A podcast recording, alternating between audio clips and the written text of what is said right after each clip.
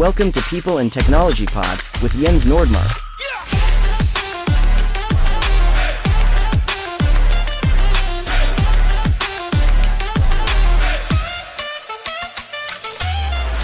Hej allihopa och välkommen till Technology and People Pod del nummer två. Mitt namn är Jens Nordmark. Jag är moderator och skapare av denna podd. Eh, och eh, idag så kommer vi prata lite grann om arkitekturens del i verksamhet och technology. Eh, innan vi börjar. Eh, detta är en podd som handlar både om människor och teknologi tillsammans. Där vi tar upp om huret hur vi gör och varför vi gör det. Vi går kanske inte in i djupaste detalj, men vi pratar lite grann om det för att kunna hitta bästa möjliga lösning för er i era verksamheter och kanske i din personliga utveckling. Podden eh, kommer ha vissa gäster med i det här också. Eh, de första kommer vara mig, eh, där jag pratar om min erfarenhet det finns alltid folk som har mer erfarenhet av andra saker, men det här baseras på de erfarenheter som jag har haft under mina 20-22 år inom branschen. Låt oss börja. Arkitektur. Det är en fråga som alltid kommer upp i människors tankar, bilder och liknande. Var du än vrider och vänder på det så krävs det någon form av arkitektur i det du håller på med i din verksamhet eller där du gör hemma eller någonting som du gör. Arkitektur brukar man ju oftast prata om när det kommer till eh, olika delar av att bygga, till exempel ett hus eller liknande. Och egentligen kan man väl säga så att även businessarkitektur och eh, IT-arkitektur eh, är baserat på samma sak, att det finns en form av anknytning till varandra. Nu vet jag att ni arkitekter som sitter och bygger massa hus där ute kommer att säga nej, absolut inte, det här stämmer inte alls. Men det finns ändå en gemensam nämnare i det här. Och idag så tänkte jag att vi skulle prata lite grann om det här med businessarkitekturen och IT-arkitekturen.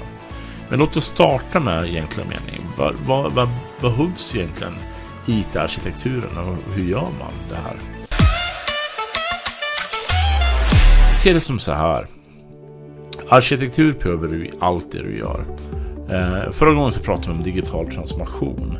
Och i digitala transformationen så är grundpelaren arkitektur.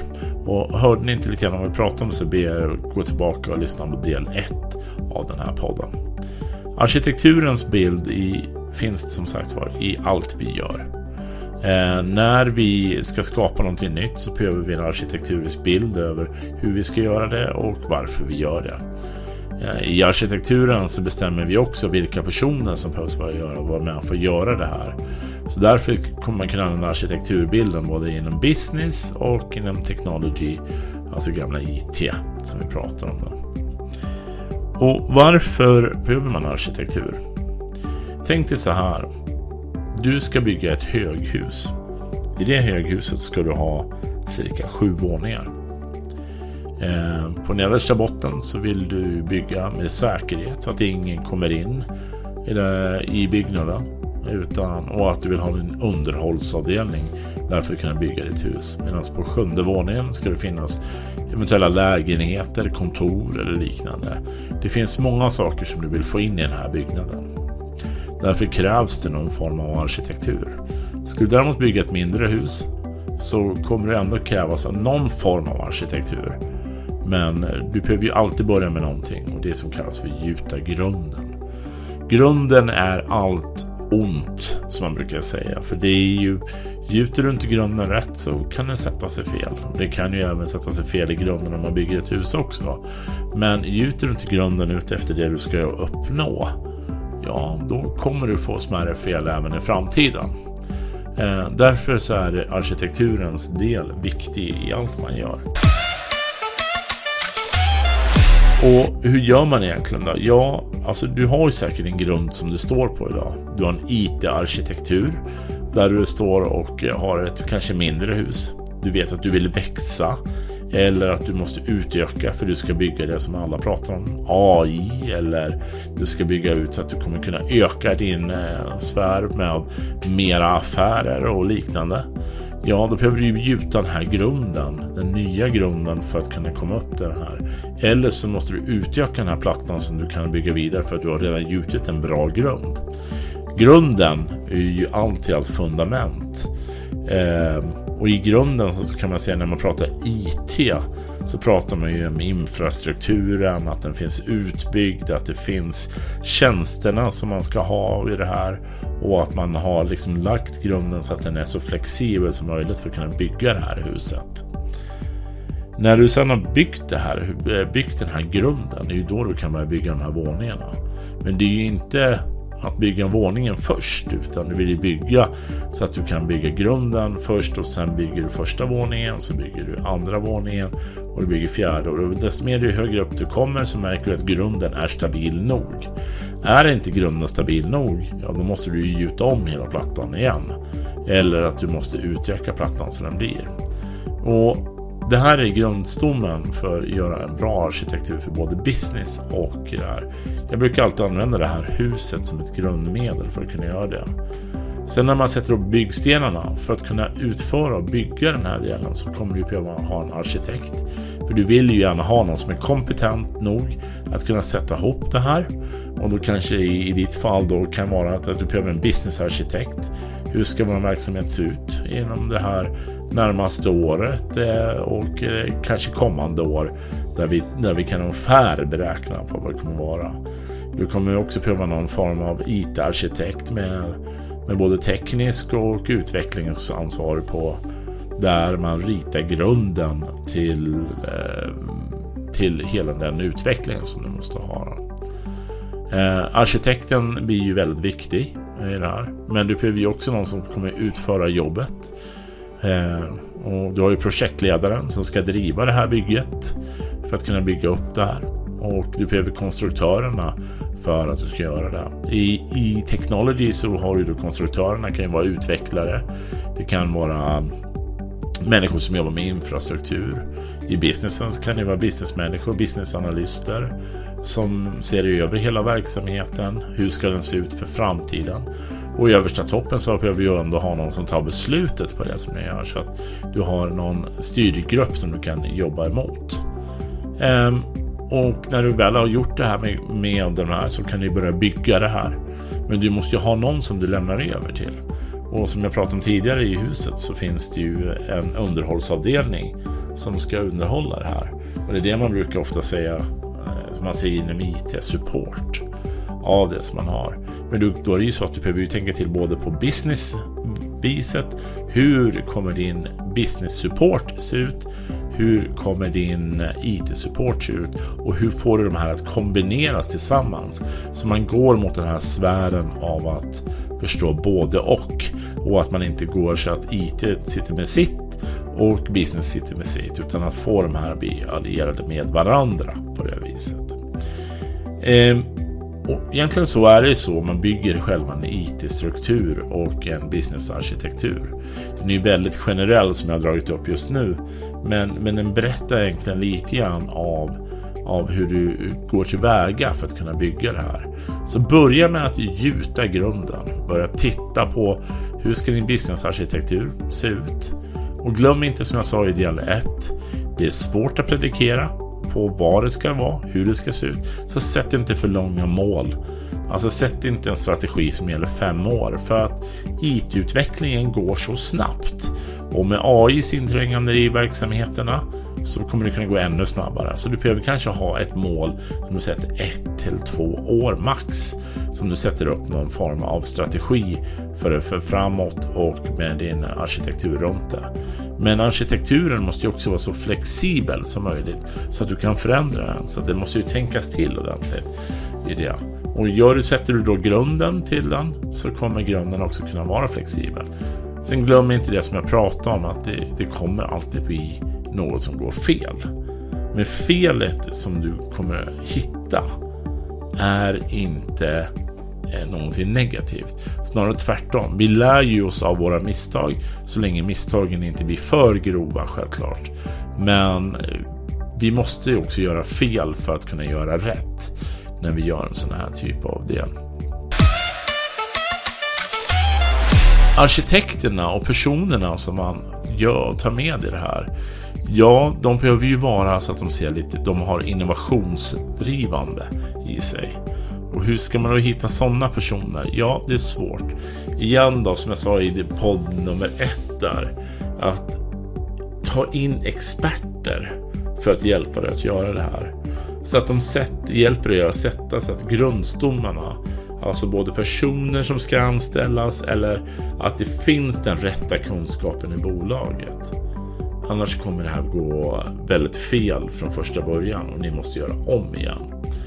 Eh, personerna som ni tar in till ert bolag ska ju också sitta med att skapa någon form av innovationsforum där man sitter hela tiden och diskuterar vad är framtiden? Vad gör vi? Hur förändrar vi oss? Hur gör vi så att vi är flexibla för framtiden också då? Att inte sitta bara med förvaltning utan att se även vad som komma skall. Och ta med era kunder på den här resan och berätta hur pass duktiga ni är. Hur mycket ni kan utveckla tillsammans i den här resan. Ta med kunderna i exempel och säg vill du vara med hos oss? Vi gör den här resan tillsammans med er för att ni ska också kunna få säga ert. Kunderna uppskattar det väldigt ofta att de får vara med för då ser de också vad ni är på väg med bolaget och hur ni förändrar er resa framåt arkitektens roll i det här och arkitekturens roll. Det finns ju olika arkitekter, speciellt inom IT. Men businessarkitekten är ju någon som behöver vara väldigt, väldigt innovativ, ha lite koll på framtiden. Vad händer? Hur gör man? Varför gör man det här? Eh, vara med i utvecklingen så att man ser att okej, okay, nu måste vi göra så här. Medan IT och technology-arkitekten behöver vara någon som är mer framtidsbenägen, som vet vad AI innebär. Som vet hur AI kommer kanske fungera lite grann i framtiden. Har både innovationen, framtidsutsikten, dåtiden och hela möjligheten ska komma med AI i funktionella steg. Och därför så blir det så viktigt att man inte bara tittar på en Enterprise-arkitekt som vi säger om IT, utan man tittar på en digital arkitekt som har både marketing, funktionella delar i det här. Ehm, det är oftast därför som organisationer också anställer en CDO, Chief Digital Officer. Jag har ju själv varit Chief Digital Officer. Det är ett ganska ovanligt namn när det kommer till Sverige. Eh, mera utomlands så finns de väldigt ofta. Men en chief, vad gör en Chief Digital Officer då? Ja, de håller på både med allt. De håller på med sälj, de håller på med marketing, de håller på med tech, de håller på att titta på businessen och hela den här biten. Och de personerna är ganska få ute på marknaden.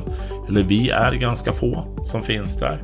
Men Däremot när det gäller arkitekten så behöver de ändå ha pass, så pass mycket insikt över den technology när det gäller IT på det viset. Så en Chief Digital Officer är oftast på toppen av det här. Så att det bästa för en organisation egentligen är att börja med att sätta en grundstruktur och då behöver man en arkitekt som kan titta på de digitala lösningarna, integrationerna, Eh, hur ska automationen göras? Hur ska man bygga upp machine learning som vi kommer komma fram till i andra poddar? Och hur bygger man sedan det slutgiltiga AI med deep learning och liknande? Så att man kommer ner i, i, i syftet att kunna hjälpa organisationen då, på det viset. Eh, arkitekturens del i vårt samhälle är så pass viktig idag. För har du inte kontrollen på arkitekturen om dina system, hur dina integrationer är uppbyggt, hur du flödar mellan olika system och det där så behöver arkitekten vara med och hjälpa dig för att sätta upp hur ska det här se ut för framtiden. Så den här gjuta grunden kan också innebära för dig som företagare att du måste gå tillbaka två steg och göra om, göra rätt. Många av er sitter kanske fast i stora system där ni har byggt systemen på system för system för att ni inte hade lösningen för just på det. Och där behöver man då titta igenom med arkitekturens gång över hur ska det då se ut för framtiden? Hur ska det här flöda mellan? Och till och med kanske börja ta bort flertal av systemen som, som finns där. Eh, och eh, arkitektens stora utmaning kan ju vara det legacyt som ni har.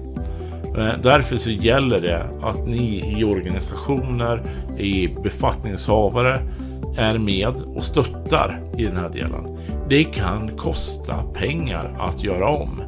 Men ni kommer aldrig komma undan det. Det blir som en lean production. Du kan ro din båt mot en sten, men du kan aldrig ro över stenen om den sticker upp i vattnet. Utan det är bättre att ta bort den här stenen och sätta den så att du kan ro din båt i den sträckan så du kan optimera det hela din produktionslinje. Och så är det även med businessen när det gäller arkitekturen. Har du massa eh, stenar som är i vägen, titta på hur du kan göra. Gå till problemets problem för att lösa problemet. För oftast när man tittar på någonting som kan vara ett problem inom arkitekturen så är det så att man har byggt upp ett problem och så har man gått runt det och så har man försökt lösa det och så har det blivit tio gånger värre. Även om man tycker att det var ganska bra. Men gå då tillbaka och lös upp de här sakerna. Försök att göra det enkelt. Men gör det inte på det gamla viset utan titta på att integrationerna fungerar bättre. Att eh, businessarkitekturen inte bara funger fungerar efter ISO utan den funkar efter att kunna göra en trendigare modell, en mer agilare modell, att man kan vara mer flexiblare och att man gör det på, på det viset. Och som ni säkert förstår så är arkitektens roll att kunna börja göra någonting och speciellt det som vi pratade om förra gången, digital transformation. Att kunna förstå vad är det egentligen jag behöver göra? Arkitekten är grunden till allting som ni gör, som sätter planen med er. Det är inte projektledaren som sätter planen, för planen sätts med arkitekten utifrån vad de har sett. Man vill ju inte att eh, projektledaren sätter arkitekturen, utan man vill ju att det ska vara ett bra, stabilt och man vet att arkitekturen kommer hålla. Jag vet att när jag går upp på sjunde våningen, då svajar det inte där uppe utan det är en grundstomme som går att stå på som man kan växa och man kan bygga mera på. Det här var lite grann om arkitektur. Eh, en snabb del och de här poddarna är ju till för att du snabbt ska kunna få lite information om det här. Du kan ju även kontakta mig om du vill ha lite mer information. Eh, du finner adresserna här under poddarna. Att se på helheten och arkitekturen är det viktigaste av allt i eh, att bygga din verksamhet. Även om det inte gäller IT så är, gäller det även businessarkitekturen. Jag tror att där du kan hitta stora fördelar för din organisation. Mitt namn är Jens Nordmark. Jag är skapare av denna podd. Jag tackar dig så hemskt mycket för att du lyssnade de här minuterna. Eh, nästa gång kommer vi prata lite mer om automation och vi kommer sedan gå vidare till machine learning, eh, deep learning och AI även. Och efter de poddarna så kommer vi prata med människor som har gjort det här i verkligheten och även molnleverantörer vad det finns för möjligheter nu att kunna göra det och hur gör man. Tack så mycket för att du lyssnade. Mitt namn är Jens Nordmark. Hej då!